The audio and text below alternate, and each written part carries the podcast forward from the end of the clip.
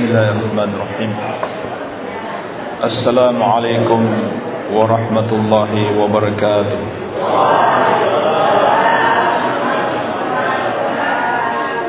إن الحمد لله نحمده ونستعينه ونستغفره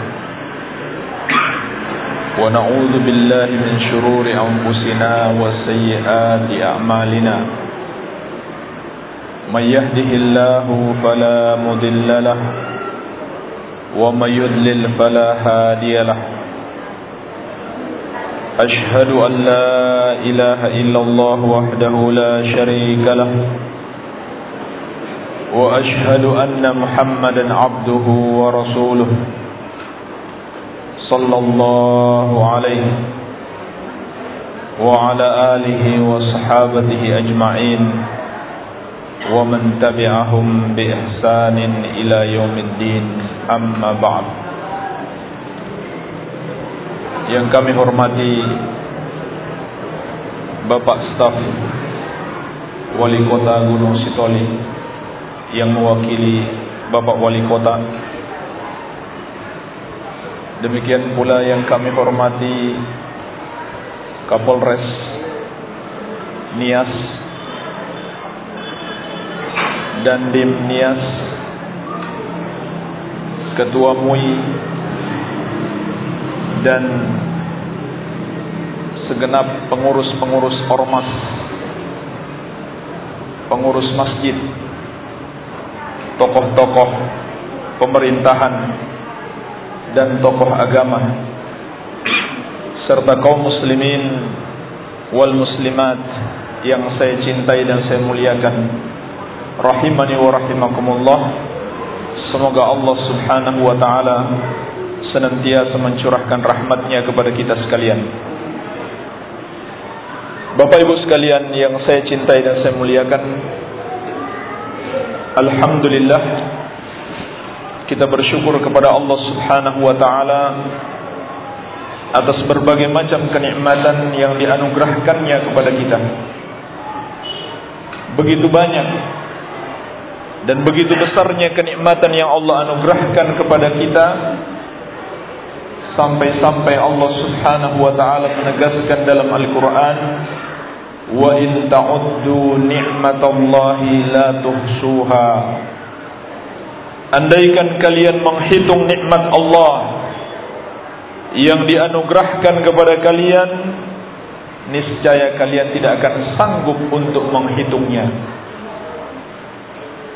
kalau begitu sangat banyak dan sangat besar kenikmatan yang Allah anugerahkan kepada kita. Sehingga untuk menghitungnya saja kita tidak akan sanggup untuk melakukannya.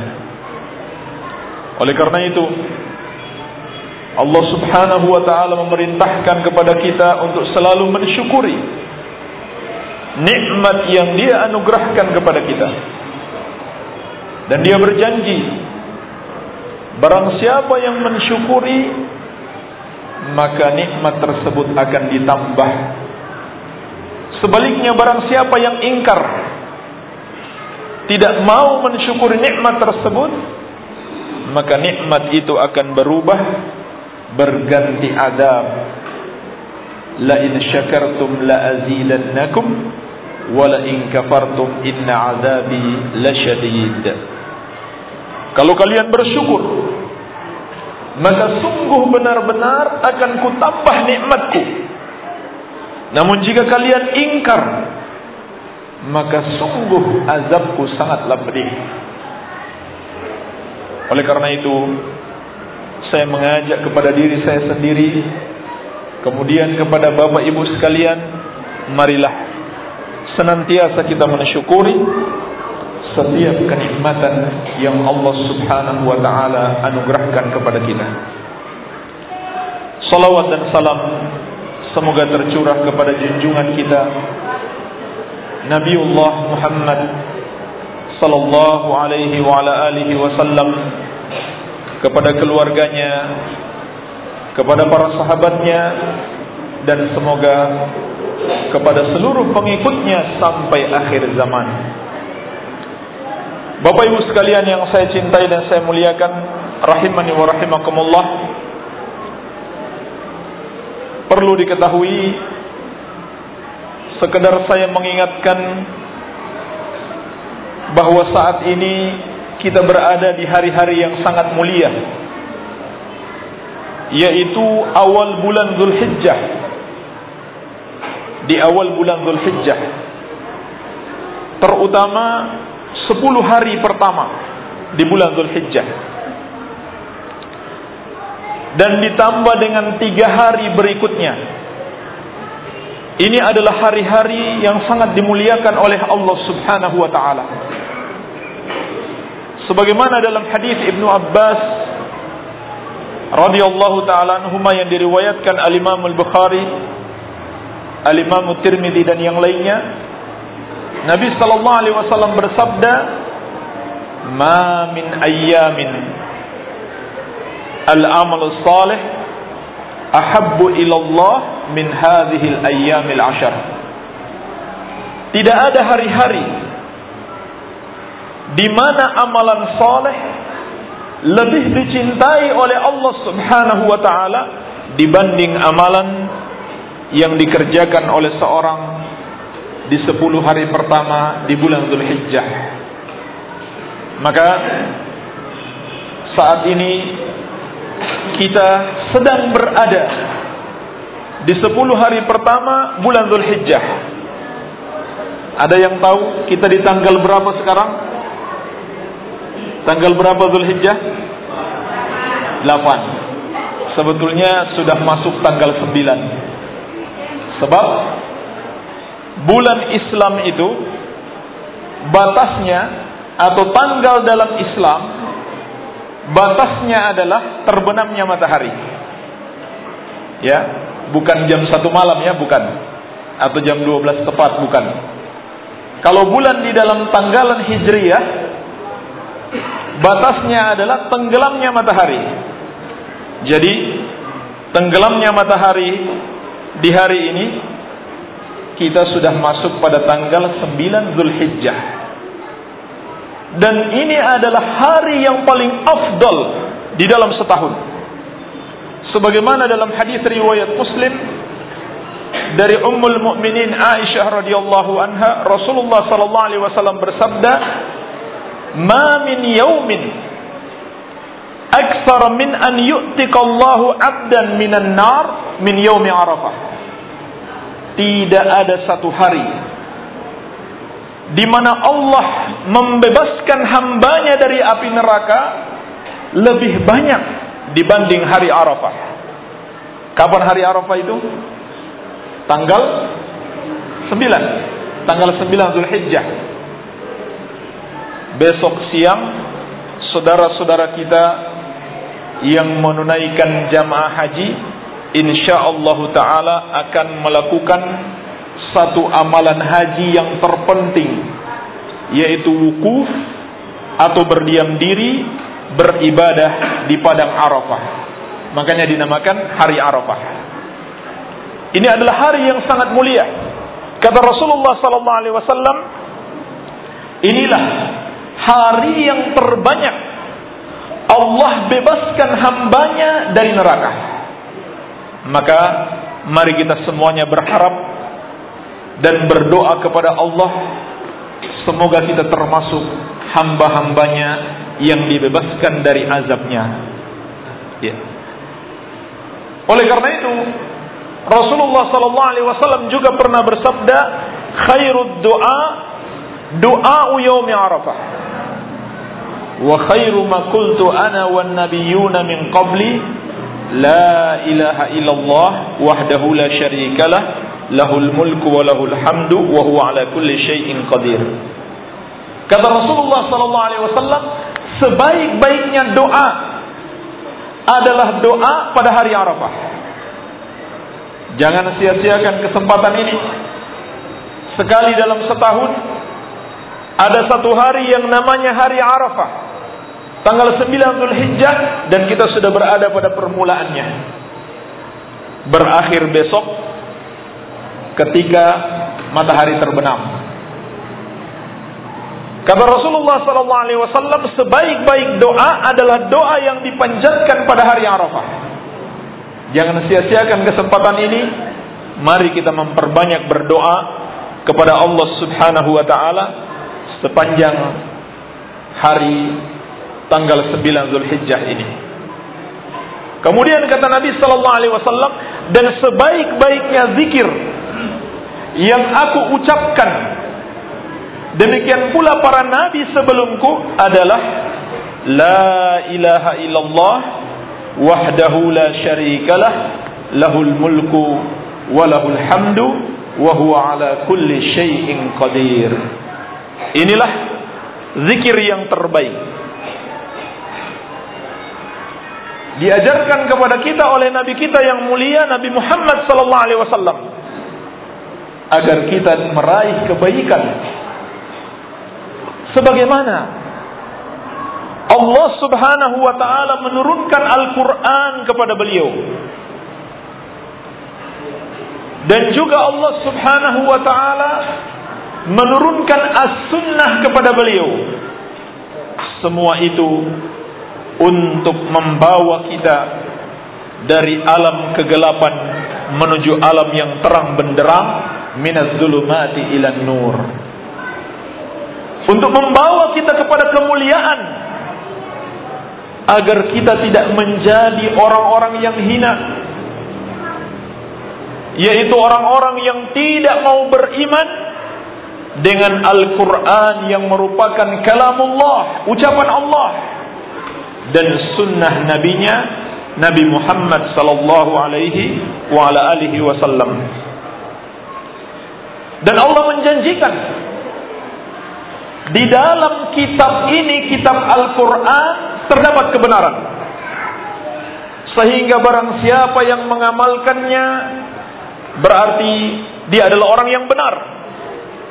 Sebaliknya, siapa yang tidak mengamalkannya, dia bukan orang yang benar. Wa anzalna ilaikal kitaba bil haqq musaddiqan lima baina yadayhi minal kitab wa muhaiminan alaih.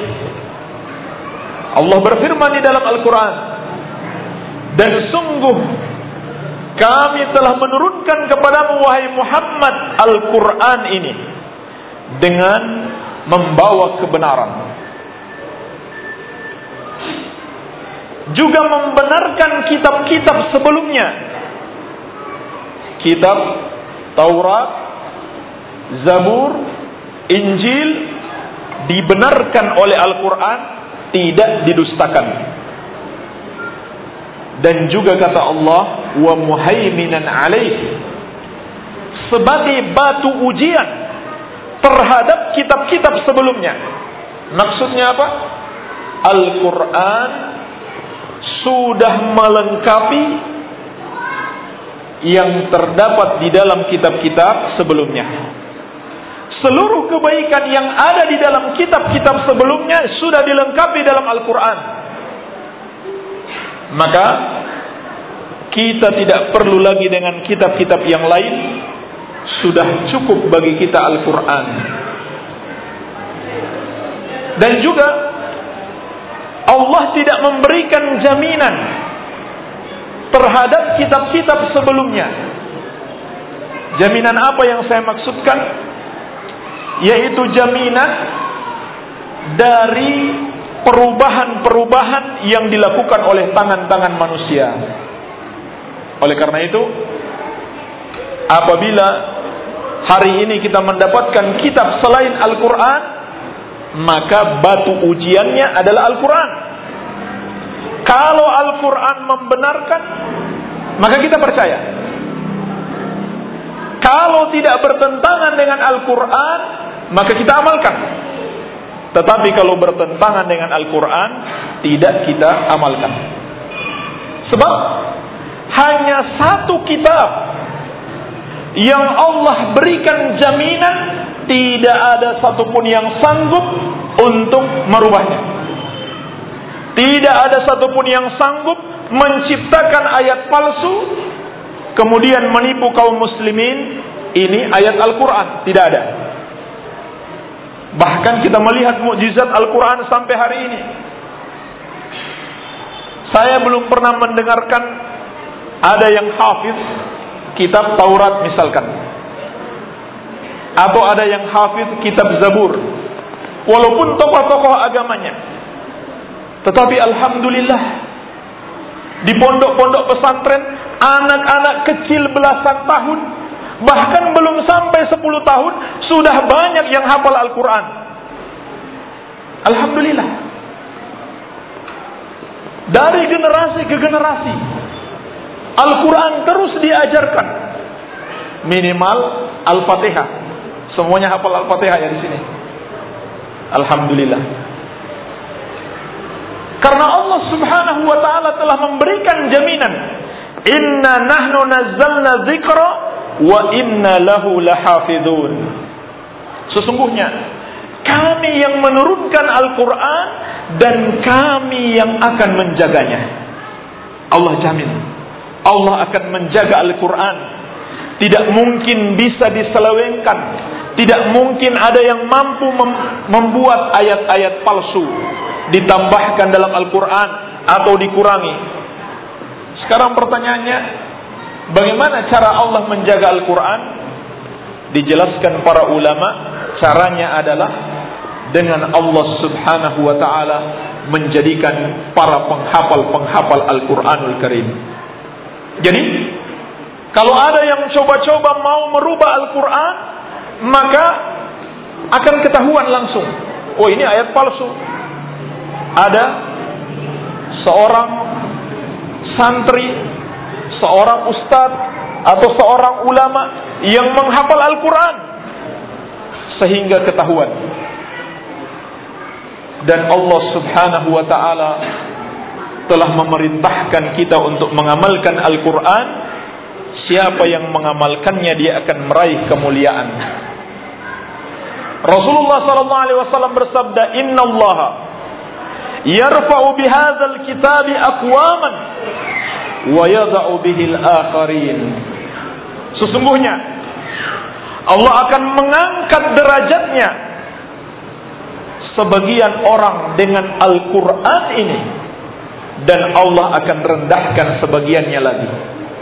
Maksudnya adalah siapa yang mengamalkannya Allah akan tinggikan derajat mereka. Dan siapa yang tidak mengamalkannya maka Allah akan merendahkan mereka. Sebagaimana juga firman Allah, "Narfa'u darajati man nasya." Kami mengangkat derajat siapa yang kami kehendaki dikatakan para ulama aibil Quran diangkat derajatnya dengan Al-Quran. Demikian pula Allah subhanahu wa ta'ala mengabarkan kepada kita Al-Quran memerlukan as-sunnah. Penafsiran Al-Quran kita dapatkan dalam sunnah-sunnah Rasulullah sallallahu alaihi wasallam. Sebagaimana firman Allah inna anzalna ilaika dzikra litubayyana lin-nasi ma nuzila ilaihim sesungguhnya kami telah menurunkan kepadamu wahai Muhammad Al-Qur'an itu agar engkau menjelaskan kepada manusia apa yang diturunkan kepada mereka oleh karena itu Bapak dan Ibu sekalian kita dapat di dalam Al-Quran perintah sholat. Tetapi ada nggak kita dapat di dalam Al-Quran sholat itu terdiri dari lima waktu? Dimulai dari subuh, zuhur, asar, maghrib, isya. Terdiri dari ruku dan sujud. Dimulai dengan takbiratul ihram. Terdapat bacaan-bacaannya. Diakhiri dengan salam. Di dalam Al-Quran tidak dijelaskan secara detail. Lalu di mana penjelasannya? Kita dapatkan di dalam sunnah Nabi Muhammad sallallahu alaihi wa alihi wasallam. Oleh karena itu, Allah menyatakan kepada kita, "Wa ma atakumur rasulu fakhudhuhu wa ma nahakum anhu fantahu. Dan apa saja yang dibawa oleh Rasul kepada kalian maka ambillah. Dan apa yang dia larang maka tinggalkanlah. Wa in tahtadu. Apabila kalian mentaati Rasul, maka kalian akan mendapatkan hidayah. Sebagaimana Rasulullah sallallahu alaihi wasallam bersabda, "Kullu ummati yadkhuluna al-jannah illa man aba." Semua umatku akan masuk surga kecuali yang tidak mau. Para sahabat heran. Ya Rasulullah, wa man ya'ba? Ya Rasulullah, sahabat bertanya, siapa itu yang tidak mau masuk surga? Maka Rasulullah sallallahu alaihi wasallam bersabda, "Man ata'ani dakhala al-jannah wa man asani faqad aba." Siapa yang taat kepadaku, dia akan masuk surga. Dan siapa yang tidak mau taat kepadaku, maka dialah orang yang tidak mau masuk surga. Jadi kunci kemuliaan adalah dengan mengikuti Al-Quran was sunnah. Kunci kebahagiaan adalah dengan mengamalkan Al-Quran dan sunnah Nabi Muhammad sallallahu alaihi wasallam. Bapak Ibu sekalian, apa sih kebahagiaan yang sejati itu? Apakah ketika usaha kita sukses, ketika kekayaan kita berlipat ganda, ataukah ketika kita berhasil menjabat dengan jabatan yang tinggi, ataukah kita berhasil meraih gelar sarjana, bahkan master doktor, itu semuanya bukanlah kesuksesan yang hakiki. Lalu apa kesuksesan yang hakiki? Apa kebahagiaan yang sejati? Ketahuilah, Bapak Ibu sekalian yang saya cintai dan saya muliakan, kesuksesan yang hakiki, kebahagiaan yang sejati adalah selamat dari azab Allah Subhanahu wa taala. Itulah hakikat kebahagiaan. Apa gunanya kita hidup kaya raya? Kita hidup dengan mewah, serba nikmat, tetapi akhirnya mendapatkan azab yang kekal. Apalagi sudah susah di dunia, mati masuk neraka. Maka hendaklah kita kembali berpikir lebih jauh ke depan. Kehidupan dunia ini dengan segenap kenikmatannya tidak ada apa-apanya. Sebab kita hidup di dunia ini 60 70 tahun 80 sudah mending. Sedangkan kehidupan setelah mati adalah kehidupan yang kekal. Dan ketika itu manusia hanya ada dua keadaan. Apakah dia sengsara atau bahagia? Dan itu tergantung amalannya di dunia. Tidak ada pilihan lain. Dia tidak berhak memilih. Dan dia tidak mampu lagi memilih. Ketika dia sudah berpisah dengan kehidupan dunia ini. Allah yang menentukan dia bahagia atau sengsara. Dia di surga atau di neraka. Kuburnya menjadi taman surga atau menjadi jurang neraka. Allah yang menentukan. Dia sudah tidak ada pilihan lagi. Allah subhanahu wa ta'ala hanya memberikan pilihan kepadanya ketika dia masih di dunia. Silahkan kamu pilih. Mau beriman atau mau kafir. Mau pilih surga atau mau pilih neraka. Dalam kehidupan dunia inilah kita disuruh memilih.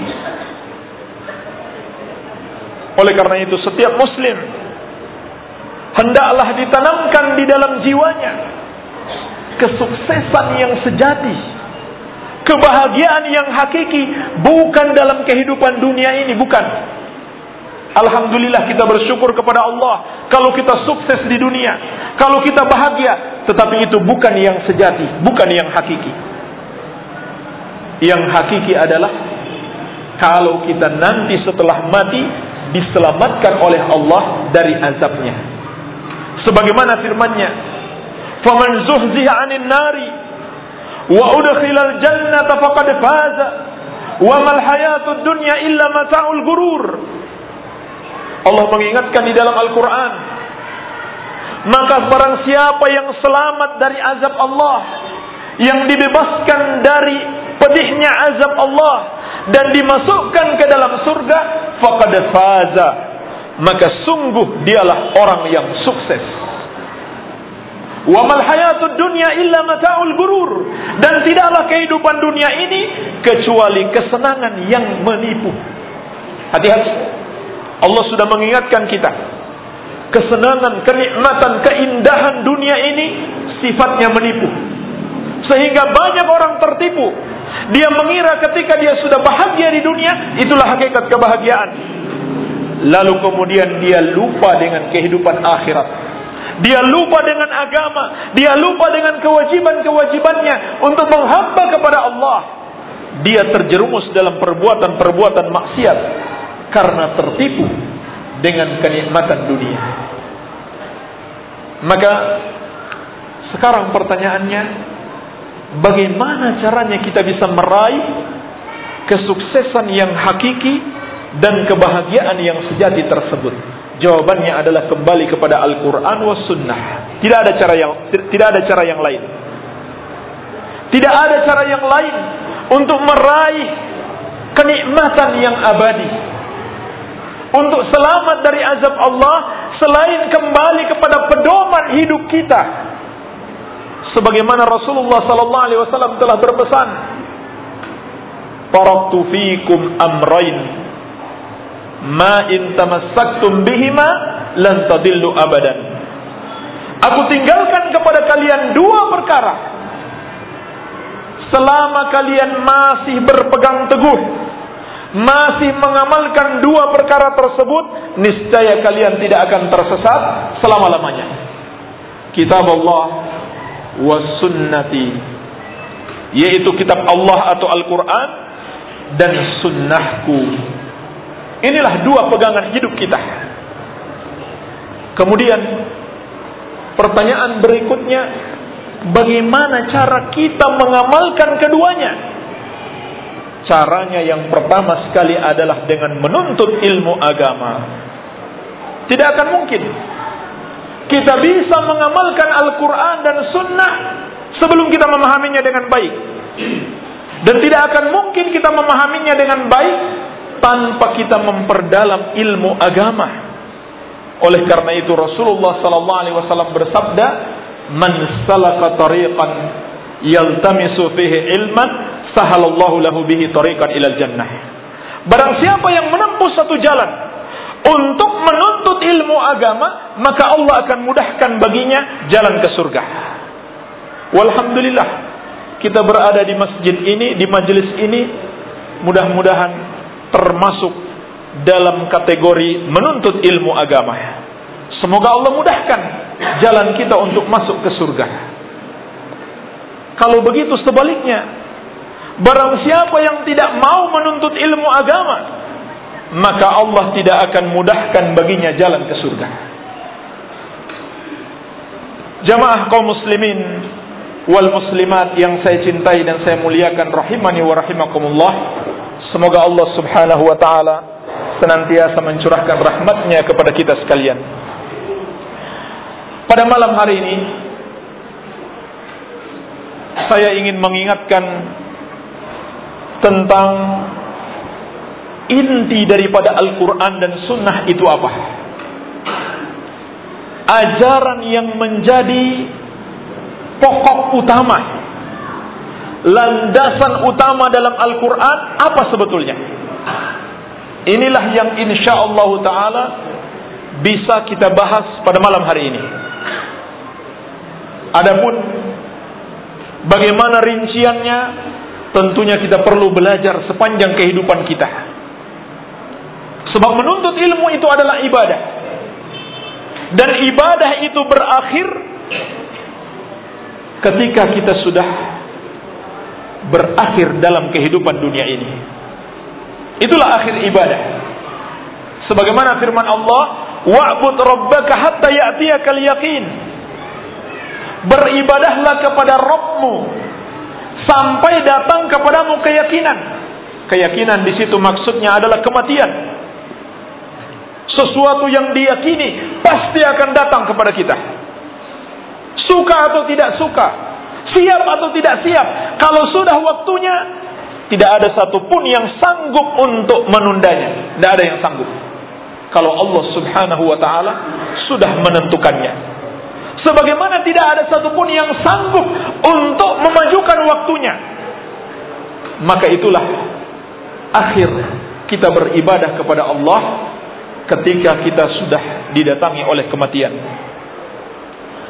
Maka jemaah sekalian, ketahuilah yang menjadi inti utama ajaran yang paling penting di dalam Al-Quran was sunnah adalah tauhid. Adalah tauhid. Apa yang dimaksud dengan tauhid? Maksudnya adalah ifradullah taala bil ibadah. Mengesahkan Allah Subhanahu wa taala di dalam beribadah. Inilah yang menjadi inti ajaran Al-Quran. Bahkan ajaran seluruh para nabi dan rasul dan semua kitab-kitab yang Allah turunkan. Ajaran utamanya satu. Bagaimana mengajak manusia menghambakan diri kepada Allah yang satu saja. Sebagaimana firman Allah, "Walaqad ba'atsna fi kulli ummatin rasula an ibudullaha wajtanibu tagut." Dan sungguh kami telah memutus pada setiap umat itu seorang rasul. Semua rasul mengatakan menyerukan kepada umatnya, "Wahai kaumku, sembahlah Allah yang satu saja dan jauhi semua sesembahan selain Allah." Jadi, ini bukan sekedar ajaran Islam yang dibawa oleh Nabi Muhammad. Para nabi dan rasul sebelum beliau juga mengajarkan hal itu. Bahkan itulah tujuan keberadaan kita di muka bumi ini. Sebagaimana firman Allah, "Wa ma khalaqtul jinna wal insa illa liya'budun." Ma uridu minhum min rizqin wa ma uridu an yut'imun. Inna Allah huwa ar-razzaqu dzul quwwatil matin. Dan tidaklah aku ciptakan jin dan manusia kecuali agar mereka beribadah kepadaku. Aku tidak menginginkan rizki dari mereka. Tidak pula agar mereka memberi makan. Sesungguhnya Allah dialah Ar-Razzaq, dialah yang memberikan rizki kepada kita. Dialah pemilik kekuatan lagi sangat kokoh. Kemudian coba dibuka di dalam Al-Quran.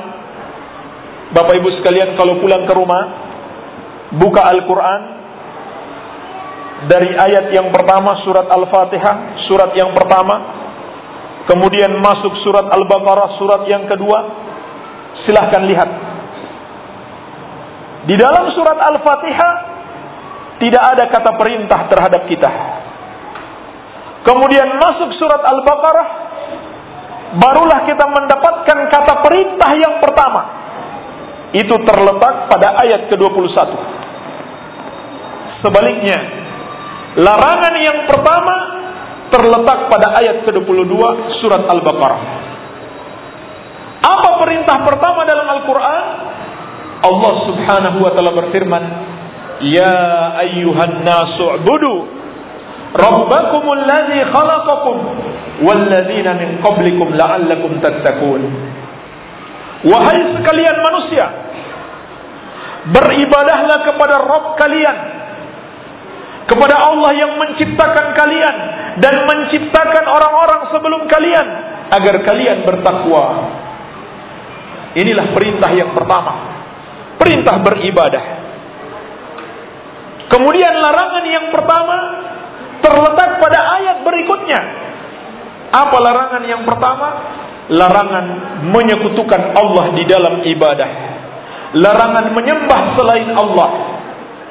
Wala fala taj'alu lillahi andadan wa antum ta'lamun. Maka janganlah kalian menjadikan bagi Allah sekutu-sekutu. Tandingan-tandingan yang kalian sembah selain Allah padahal kalian mengetahuinya. Maka dari sini kita ketahui inilah ajaran terpenting di dalam Al-Quran yang mesti kita perhatikan. Yaitu mengajak manusia agar beribadah kepada Allah yang satu saja. Tidak menyekutukannya dengan sesuatu apa pun juga. Dan inilah hakikat kalimat la ilaha illallah yang selalu kita ucapkan. Ulama menjelaskan la ilaha illallah artinya adalah la ma'budah hakun illallah. Tidak ada yang berhak disembah kecuali Allah. Karena dalam kalimat ini terkandung dua rukun. Rukun yang pertama adalah an-nafyu yang terdapat dalam kalimat la ilaha yaitu rukun penafikan dalam kalimat la ilaha. Artinya apa? Menganggap semua sesembahan selain Allah salah. Tidak ada yang berhak untuk disembah. Kemudian rukun yang kedua terdapat dalam kalimat illallah yaitu rukun al-isbat atau penetapan. Yaitu meyakini hanya Allah satu-satunya yang pantas untuk disembah. Inilah hakikat Ashhadu an la ilaha illallah. Aku bersaksi tidak ada yang berhak disembah kecuali Allah Subhanahu wa taala. Sebagaimana firman Allah, "Dzalika bi anna Allah huwal haq wa anna ma yad'una min dunihi al-batil." Dialah Allah sesembahan yang benar. Adapun yang mereka sembah selain Allah adalah batil atau tidak benar. Inilah ajaran Al-Quran yang tertinggi. Kita murnikan semua ibadah kita hanya kepada Allah yang satu saja. Dan kita yakini tidak ada satupun selain Allah yang berhak untuk disembah. Sehingga semua ibadah kita hanya kita persembahkan kepadanya. Kita tidak menyekutukannya, tidak berbuat syirik kepadanya.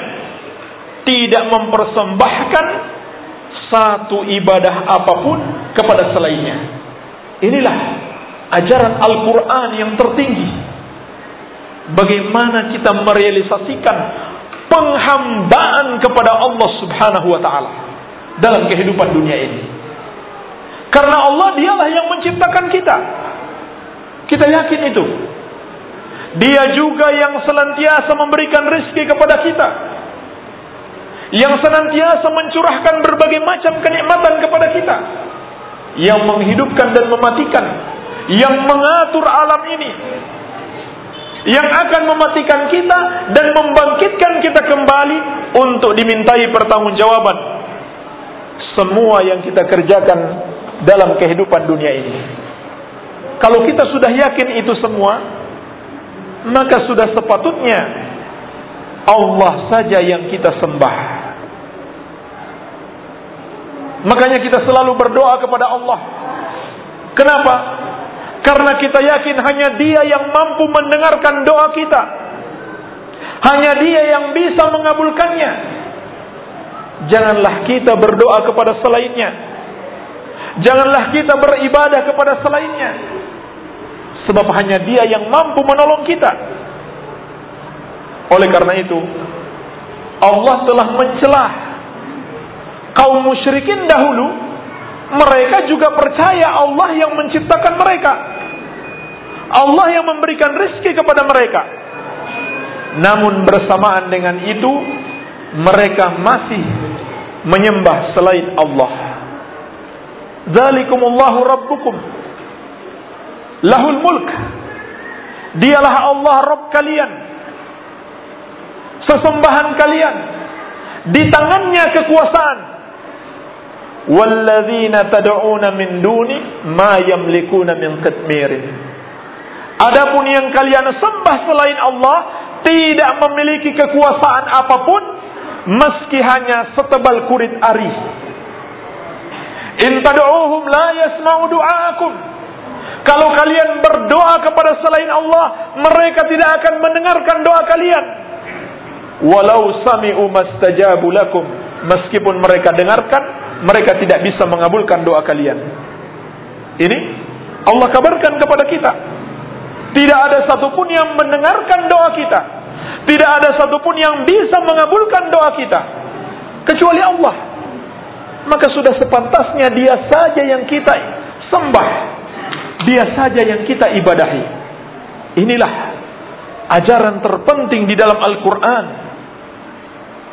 Siapa yang berpegang teguh dengan ini, maka dia pasti akan masuk surga. Sebaliknya, barang siapa yang menyekutukan Allah, tidak mentauhidkan Allah, pasti dia akan masuk neraka. Dan lebih berbahaya lagi, dia akan kekal di dalam neraka. Naudzubillah. Kita berlindung kepada Allah. Sebagaimana firman Allah, "Innahu may yusyrik billah faqad harrama Allahu alaihi al-jannata wa ma'wahu an-nar wa ma lidh-dhalimin min ansar." Sesungguhnya barang siapa yang menyekutukan Allah yang menyembah selain Allah, yang punya Tuhan lain selain Allah, Allah haramkan surga atasnya. Tidak mungkin dia masuk surga. Allah sudah haramkan. Wa nar, neraka adalah tempatnya. Wa ma min ansar dan tidak ada satupun yang sanggup menolong orang-orang yang zalim tersebut.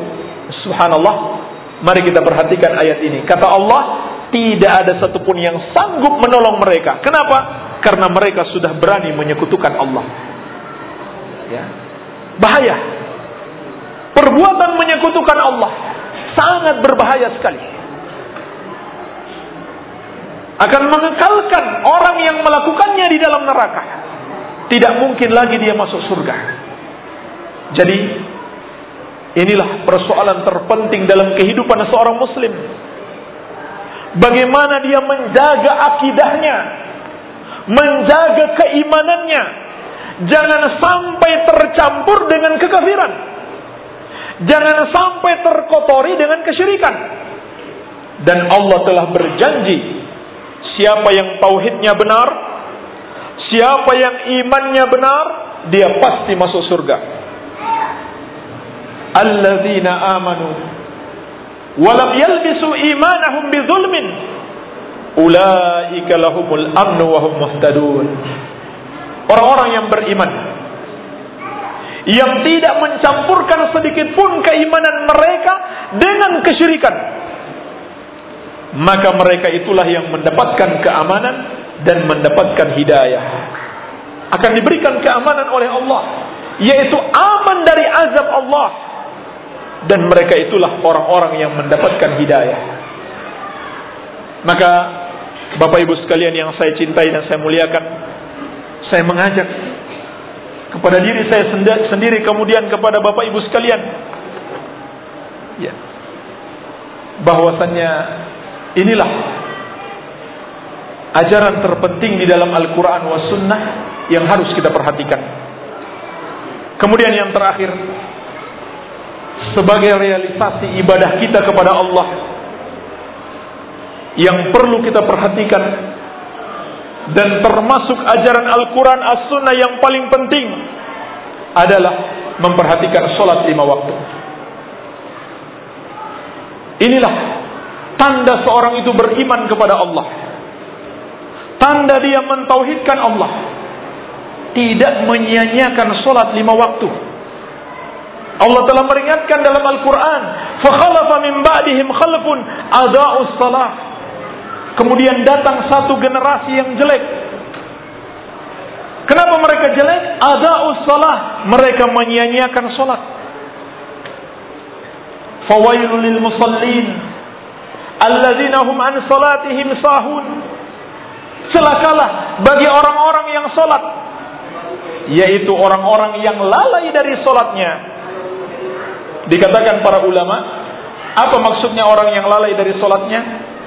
Dia masih salat tapi dia suka menunda-nunda waktu salat itu sudah diancam oleh Allah celaka mereka apalagi yang meninggalkan sholat sama sekali maka saya mengajak kepada diri saya sendiri kemudian kepada bapak ibu sekalian marilah kita senantiasa memperhatikan sholat lima waktu semoga Allah subhanahu wa ta'ala senantiasa mencurahkan rahmat dan ampunannya kepada kita sekalian barangkali ini saja yang bisa saya sampaikan Semoga ada manfaatnya. Lebih dan kurangnya saya mohon maaf. Yang benar itu datangnya dari Allah Subhanahu wa taala dan yang salah dari kebodohan kami dan dari syaitan. Semoga Allah Subhanahu wa taala mengampuni saya dan mengampuni Bapak Ibu sekalian. Subhanaka Allahumma wa bihamdik asyhadu an la ilaha illa anta astaghfiruka wa atubu ilaik. Wa sallallahu ala nabiyyina Muhammadin wa alihi wa sallam. Wa akhiru da'wana anil hamdulillahi rabbil alamin.